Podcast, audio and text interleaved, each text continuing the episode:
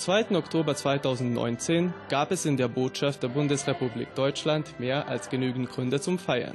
In Belgrad versammelten sich die deutsche Gemeinde und die deutsche Minderheit in Serbien anlässlich des 29. Jahrestages der Wiedervereinigung Deutschlands und des kurz bevorstehenden 30. Jubiläums des Berliner Mauerfalls.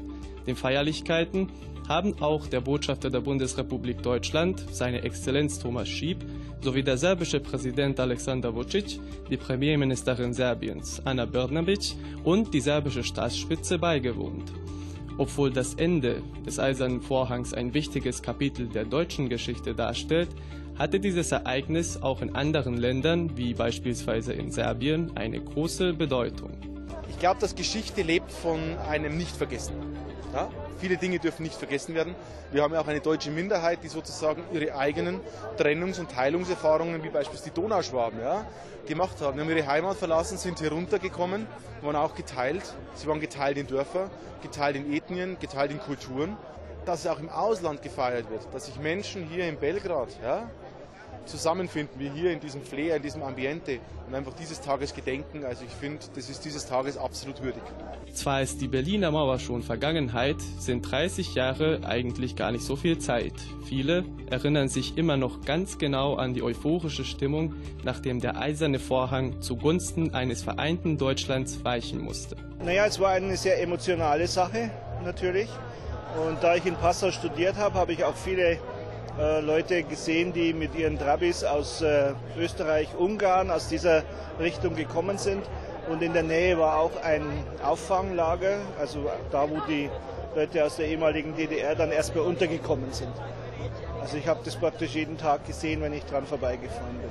Den Mauerfall eigentlich hautnah miterlebt. Ich komme aus der Oberpfalz, Nähe tschechische Grenze, also als der eiserne Vorhang fiel. Ich weiß noch damals, wie auch damals die Trabis sozusagen bei uns über die Grenze kamen. Die Supermärkte waren leer und plötzlich waren diese Leute auf dieser Berliner Mauer und haben einfach gefeiert. Ja? Weil diese Mauer, ja, ich meine, die Römer bauten Limes und da kam diese Mauer und die hat einfach dieses Land geteilt. Und ich finde, eine Teilung ist immer so ein segregatives Element. Und wenn man halt einfach so eine Teilung irgendwie überwindet, man könnte ja heutzutage sagen, eine Spaltung. Ja, die Frage stellt sich ja momentan immer mehr. Spaltung einer Gesellschaft, Spaltung von Land. Von daher hat er diese, glaube ich, diese Wiedervereinigung eine ganz eine besondere symbolische Tragweite auch. Im Rahmen dieser Veranstaltung konnte sich die deutsche Minderheit in Serbien metaphorisch ein bisschen wie zu Hause fühlen und hier konnten sich die Vertreter und Mitglieder der verschiedenen deutschen Vereine der Vojvodina treffen und diesen wichtigen Tag zusammen verbringen. Es ist sehr wichtig, weil dann werden wir einen Kontakt machen oder dann machen wir einen Kontakt mit Botschaft, mit den äh, Mitarbeitern, die hier sind, mit wem wir telefonieren, E-Mail wechseln und so weiter. Und wir hören über diese Leute, aber jetzt haben wir eine Möglichkeit, mit diesen Leuten persönlich zu treffen. Auch sind hier äh, fast alle Vorsitzende von äh, verschiedenen deutschen Vereinen aus ganzen Vojvodina. Und das ist auch eine Möglichkeit, hier zusammen zu feiern. Živela Serbia, Živela Nemačka, Živela Evropska Unia.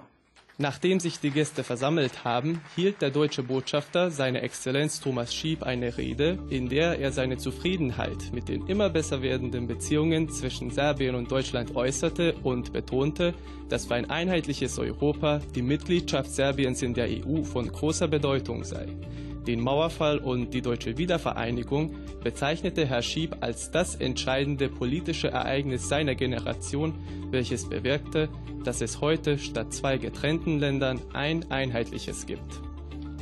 Wir haben, wenn man sich jetzt in Deutschland umschaut, ähm, äh, die Wiedervereinigung äh, hat, es war auch eine unendliche Bereicherung an an, wenn man sich Leipzig, Dresden, Erfurt, Weimar, ja, sozusagen die Wiege der deutschen Kultur, äh, das ist jetzt alles sozusagen ein Deutschland und das ist ein, ein Glück. Und man muss auch sagen, es gibt ja nicht mehr dieses West und Ost, ja, sondern es gibt eher Stadt und Land. Und ich glaube gerade die jüngeren Generationen, die fühlen sich nicht mehr als Ostdeutscher und als Westdeutscher, sondern die fühlen sich einfach als Deutsche, als Europäer. Und das ist das Wichtige.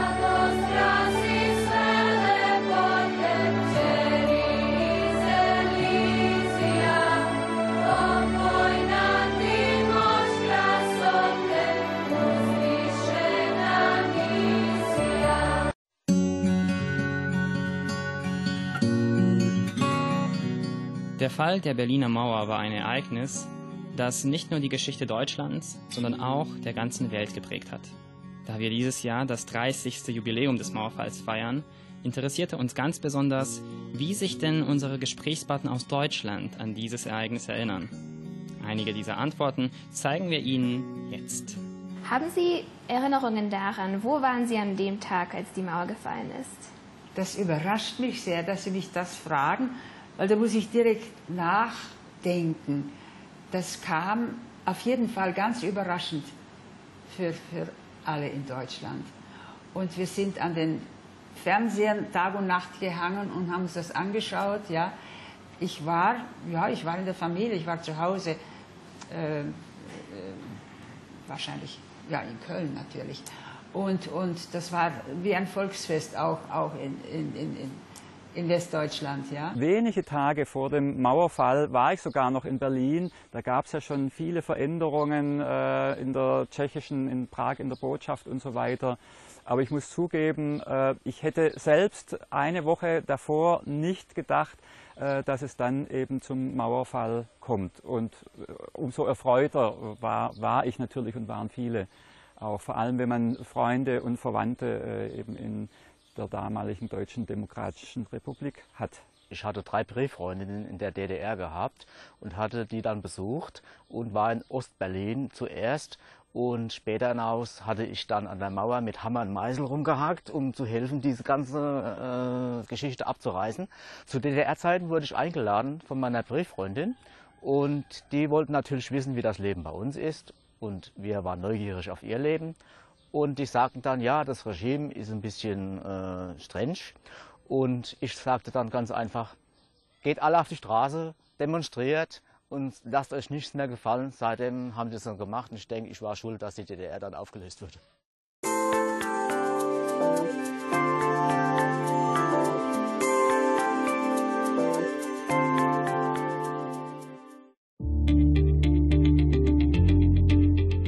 Ziel des Seminars war das Kennenlernen der donauschwäbischen Gemeinschaft und Kultur.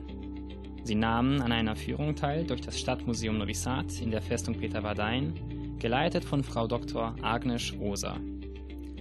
Nach dem Vortrag im Museum besichtigten sie die Sehenswürdigkeiten der Festung wie auch der Stadt Novi Sad. Was hat Sie eigentlich zu dieser Reise bewegt? Ich komme aus Hagen in Westfalen. Das ist bei Dortmund. Da gibt es eine berühmte Fußballmannschaft. Da will ich aber jetzt keine Reklame machen. Und ich muss sagen, aus Neugier äh, mich interessiert die ehemalige österreichisch-ungarische Monarchie. Und da kommt man ja dann ganz schnell auf den Donauraum und die Beziehungen, die die Österreicher hierher hatten. Und ich bin überrascht, wir sind in einem sehr schönen Hotel. Ich mache da keine Reklame, das ist sehr geschmackvoll, das hat mich persönlich überrascht und mich hat auch überrascht das gute Essen hier auf der Festung in dem Restaurant mit dem sehr, sehr schönen Ausblick. Also ich finde das sehr, sehr angenehm und sehr interessant und eigentlich muss ich sagen, hat das meine Erwartungen bisher übertroffen. Was mich bewegt hat, hier an dieser Reise, an diesem Seminar mitzumachen, teilzunehmen, ist, dass mein Vater äh, 1921 äh, geboren wurde, und zwar in einem Vorort von Belgrad, und zwar in Semlin, Semun. Und äh, mein, meine Vorfahren haben da gelebt bis zum Oktober 1944, äh, als sie äh, mit den Truppen zurück mussten ins damalige Deutschland. Ja. Und jetzt sind Sie auf die Spuren von Ihren Vorfahren, nicht wahr? Ja, das kann man so sehen. Die stammen ja ursprünglich aus, auch aus Süddeutschland, aus dem Raum Karlsruhe und sind vor 200 Jahren etwa äh, ausgesiedelt im Rahmen des Schwabenzuges der ja äh, von der Kaiserin Maria Theresia initiiert wurde. Und, äh, und äh, jetzt sind praktisch alle wieder daheim in, in Deutschland. Ich heiße Wilhelmine Schnichels. Meine Eltern die sind hier in Jugoslawien geboren, in der Vojvodina, äh, in der Batschka. Und äh, ich äh, komme öfters hierher, also nicht jetzt unbedingt Schnovisat, aber das besuche ich auch. Also meine Eltern kommen aus Sekic, das Lovčinac. Ah. Und äh, da haben wir auch ein kleines Heimatmuseum aufgemacht und äh, mit zusammen mit dem DZM in Ulm und mit dem Museum hier in Neusatz. Also es sind eigentlich sehr viele Spuren, die mich immer wieder hierher zurückführen.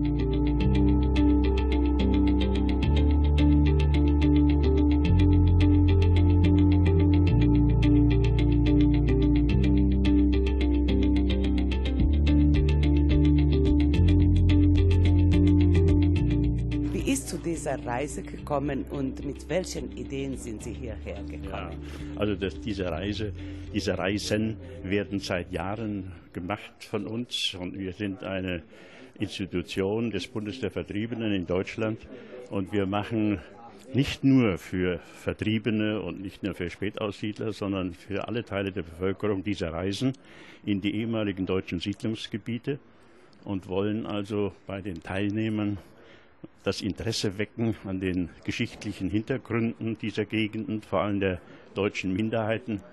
Und dann vor Ort in interessanten Begegnungen mit den deutschen Minderheiten, aber auch mit der Mehrheitsbevölkerung dann noch weitere Eindrücke sammeln, um, und äh, das ist eigentlich unsere Aufgabe, äh, für, die, für Deutschland, für die, Bundesrepublik als Botschafter der Verständigung und Aussöhnung in diese Gebiete hier tätig zu sein und auf ein friedliches Europa hinzuwirken.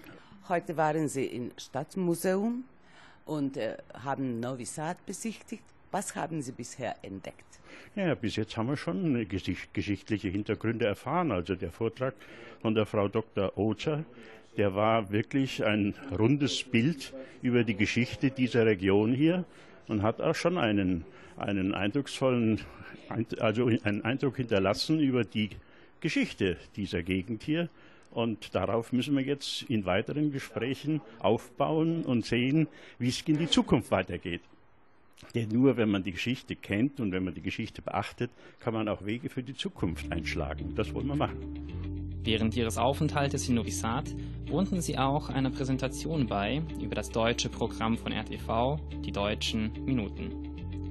Im Namen der deutschen Sendung sprachen Heinal Kabuda und Jolt Papista über die häufigsten Themen, über die deutsche Gemeinde in der Vojvodina und über die Möglichkeiten des Deutschlernens hierzulande.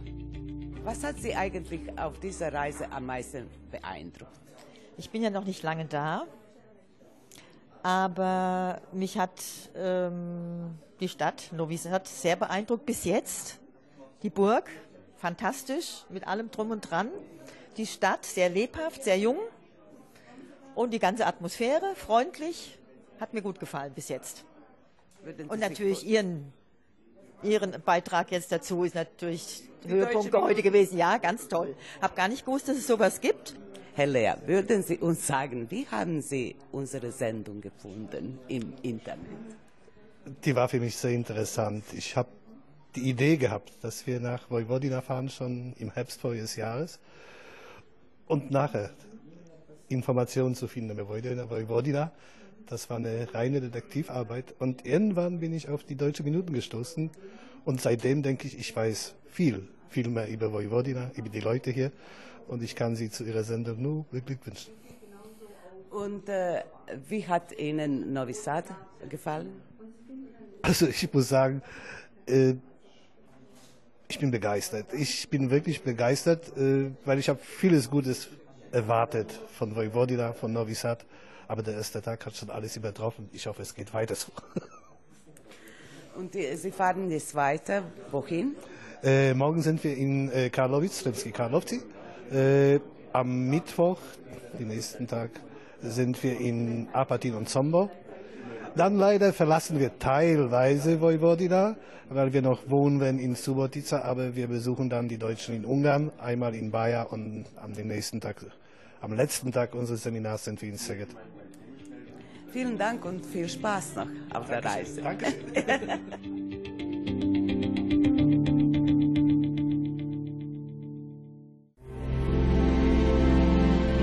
Gledate paletu.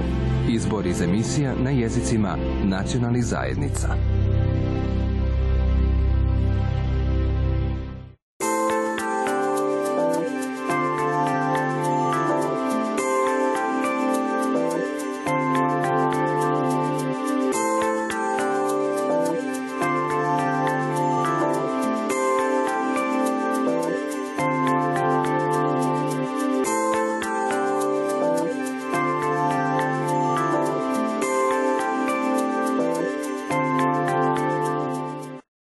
Heute, am 26. September, findet im Gebäude der Philosophischen Fakultät in Novi Sad der Europäische Tag der Sprachen statt. Für diesen Anlass sind insgesamt 15 Sprachen, darunter auch die deutsche Sprache, vertreten, die sich an verschiedenen Ständen präsentieren können. Auf diese Weise bekommen die Interessenten die Gelegenheit dazu, die jeweiligen Sprachen besser kennenzulernen. Die Schaulustigen konnten in der sogenannten Straße der Sprachen auf Entdeckungsreise gehen. Das Interesse war enorm und vor allem Kinder in Grundschul- und Mittelschulalter haben das große Sprachangebot der Veranstaltung genossen, die eine mehrjährige Tradition an der Fakultät hat. Dieser Tag existiert in dieser Form seit 2001 und ist gedacht, die Interkulturalität und äh, Multilingualismus bzw. Mehrsprachigkeit zu fördern äh, und äh, die Leute dazu ermuntern, Sprachen zu lernen. Für die deutsche Sprache haben sich die Mitarbeiter und Studenten des Instituts für Germanistik verschiedene Spiele und Aktivitäten ausgedacht, durch die die Anwesenden ihre Deutschkenntnisse unter Beweis stellen oder einige neue Wörter lernen konnten. Wir haben quasi einen äh, Mini-Workshop vorbereitet, wir haben Übungen äh, und äh, wir haben Karteikarten und damit möchten wir die Kinder animieren äh, und ihnen die deutsche Sprache näher zu bringen. Durch die verschiedenen Aufgaben am deutschen Stand konnte man auf Problemfälle des Deutschlernens, wie zum Beispiel auf den Umlaut und die Rechtschreibung eingehen, die für den adäquaten Spracherwerb unabdingbar sind. Dies ist heutzutage von großer Bedeutung, da die deutsche Sprache eine noch nie dagewesene Popularität genießt, wofür es gute Gründe gibt. Wenn man natürlich die deutsche Sprache beherrscht, äh, hat man gleich den Vorteil, dass man nicht nur in einem, sondern gleich in drei Ländern sich mit Leuten äh, verständigen kann und sprechen kann. Äh, und äh, im Hinsicht auf die Europäische Union hat man natürlich auch sehr gute Chancen, äh, dort äh, eine Karriere auszubilden. Ich bin erst im zweiten Studienjahr und ich arbeite noch nicht. Aber mm, meine Deutschkenntnisse helfen mir, mm, originelle äh, deutsche Literatur zu lesen und äh, mit Leuten aus dem Ausland zu sprechen. Obwohl vielversprechende Karrieremöglichkeiten selbstverständlich verlockend klingen, ist dies nur eine Seite der Medaille. Für einige Personen steht die deutsche Sprache für etwas ganz anderes. Sie bedeutet äh, auch die Möglichkeit, ein bisschen reicher zu werden, weil je mehr Sprachen man spricht, desto reicher ist er.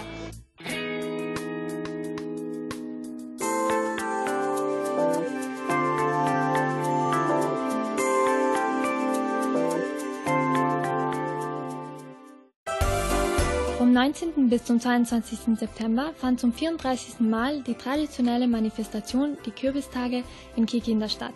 Sie stellen die älteste Tradition dar und sind das Symbol der Stadt Kikinda. Während der vier Tage bietete die Manifestation für seine Gäste ein vielfältiges Programm an. Wettbewerbe, Ausstellungen, reiche Auswahl am Essen tagsüber, während sich die Konzerte am Abend ereigneten. Für jeden war etwas dabei. Die Frauenvereine der Stadt hatten die Gelegenheit, ihre Kochkünste zur Probe zu stellen, indem sie ein banatisches Frühstück zubereiteten. Darunter sind süße Kürbisspeisen und andere traditionelle Gerichte zu verstehen. Auch der deutsche Verein Kikida nahm mit seinem Stand an den Kürbistagen teil. Äh, wir haben unseren Stand äh, und dieser Stand ähm, ist so eingerichtet, dass man sieht, dass ein deutscher Stand ist.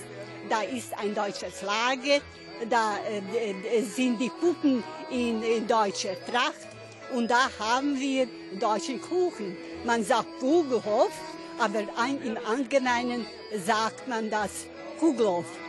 Wir haben hier Kugelhofe, äh, sehr berühmt war das in, den, in Österreich und auch in Deutschland. Diesen Kugelhof hatten unsere Ahnen aus Deutschland und Österreich mitgebracht. Und jetzt haben wir auch diese Tradition weiter hier bei uns. Wir verkaufen diese Kugelhofe und erwarten unsere Gäste mit diesen Kugelhofen. Und so sage ich einen guten Appetit.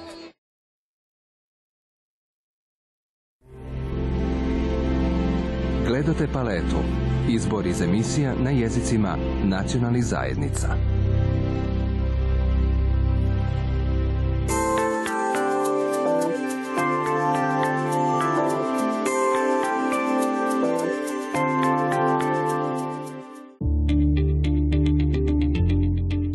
Oktober wurde in der Novi Sada Buchhandlung Boulevard Books ein Literaturabend organisiert, bei dem der Nachkriegsroman Watschenmann von der österreichischen Autorin Karin Peschka und dessen serbische Übersetzung präsentiert und besprochen wurden. Die Übersetzung entstand im Rahmen eines studentischen Projekts am Lehrstuhl für Germanistik in Novi Sad unter der Leitung des ehemaligen österreichischen Lektors Paul Gruber. Post-war situations are uh, a very common thing around the world. Nachkriegssituationen kann man überall vorfinden. In Österreich war der letzte Krieg vor vielen Jahren. Zu meiner Zeit lernte ich in der Schule, dass der Krieg 1945 ein Ende nahm. Aber was danach alles geschah, auf welche Weise viele Menschen unter den Folgen des Krieges leiden mussten, war nicht Teil des Lehrstoffs. Der Roman handelt davon, was für Strategien der Einzelne entwickeln kann, um mit seinem individuellen, durch die Nachkriegszeit verursachten Leid umzugehen. Diese Gemeinschaftsübersetzung bot den insgesamt 13 Teilnehmern des Projekts eine einzigartige Gelegenheit, ihre übersetzerischen Fertigkeiten zu üben und sich durch den Roman mit der österreichischen Nachkriegszeit auseinanderzusetzen.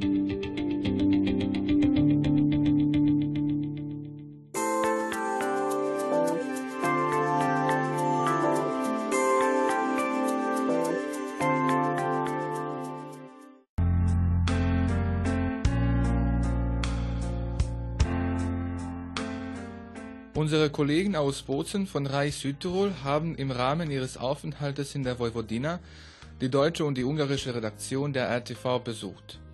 Sie tauscht mit unseren Kollegen ihre Erfahrungen aus und sprachen über die Lage der Minderheiten in Südtirol und in der Vojvodina. Vor ihrem Besuch bei RTV waren sie zu Gast in Sombor beim Deutschen Verein St. Gerhard und in Apatin. Seit wann existiert Ihre Sendung und wie heißt Ihre Sendung? Also die Sendung heißt MINET, das ist äh, eine Abkürzung für das Minderheitenmagazin auf Rai Südtirol und die gibt es mittlerweile seit 15 Jahren. Und seit 15 Jahren äh, berichten wir über Minderheiten in breitestem Sinn. Wir reisen durch Europa und äh, schauen uns die verschiedensten Situationen von Minderheiten, äh, Völkern, äh, Kulturen und, und, und sprachlichen Minderheiten an. Es ist nicht nur der Verlust von persönlichen Beziehungen, auch die sorbische Kultur, die Sprache und die Tradition gingen mit dem Abbruch der Dörfer verloren. So wie Grötsch gibt es viele Orte in der Niederlausitz, die dem Tagebau weichen mussten. 1924 begann der Abbruch der Dörfer durch die Braunkohlebetreiber. Das Recht auf Energiegewinnung stand über dem Recht auf Heimat. Gemeinsam wird die Sprache nun bewusst gepflegt. Neben den Treffen im Verein gibt es bilingualen Unterricht in Schulen und Gymnasien. Es gibt Vertretungen der Domovina in vielen Dörfern. Es gibt die aktive Pflege der Traditionen in Heimatmuseen. Außerdem sind die Niedersorben zu Recht stolz auf ihren schönen Spreewald mit seinen unzähligen Wasserläufen, der von Mai bis Oktober Millionen von Touristen anzieht. Wir produzieren äh, sechs bis sieben Mal im Jahr also drei oder viermal im Frühjahr, drei oder viermal eben im Herbst, Winter und jeweils äh, sind das 40 Minuten. Also pro Sendung 40 Minuten und da haben wir, da sprechen wir von ja, drei größeren Berichten über verschiedene Minderheitensituationen. Dann gibt es eine Newsline, das sind kleine Tipps, also so Nachrichten, aktuelle. Und dann gibt es noch ein Live-Gespräch mit einem Minderheiten oder Experten, der über interessante Aspekte eben von Minderheiten berichtet. Können Sie uns sagen, äh, wie Sie von der Sendung Deutsche Minuten erfahren haben? Äh, nun, ich habe gegoogelt äh, und eben auf verschiedenen Sprachen auch, Donauschwaben, Medien und da kamen recht bald die deutschen Minuten heraus. Und das hat mich auch sehr gefreut, weil ich gesehen habe, da steckt mehr dahinter und das ist ein regelmäßig produziertes Programm und ja, auf alle Fälle möchten wir das mitnehmen. Mit welcher Idee sind Sie hierher gekommen?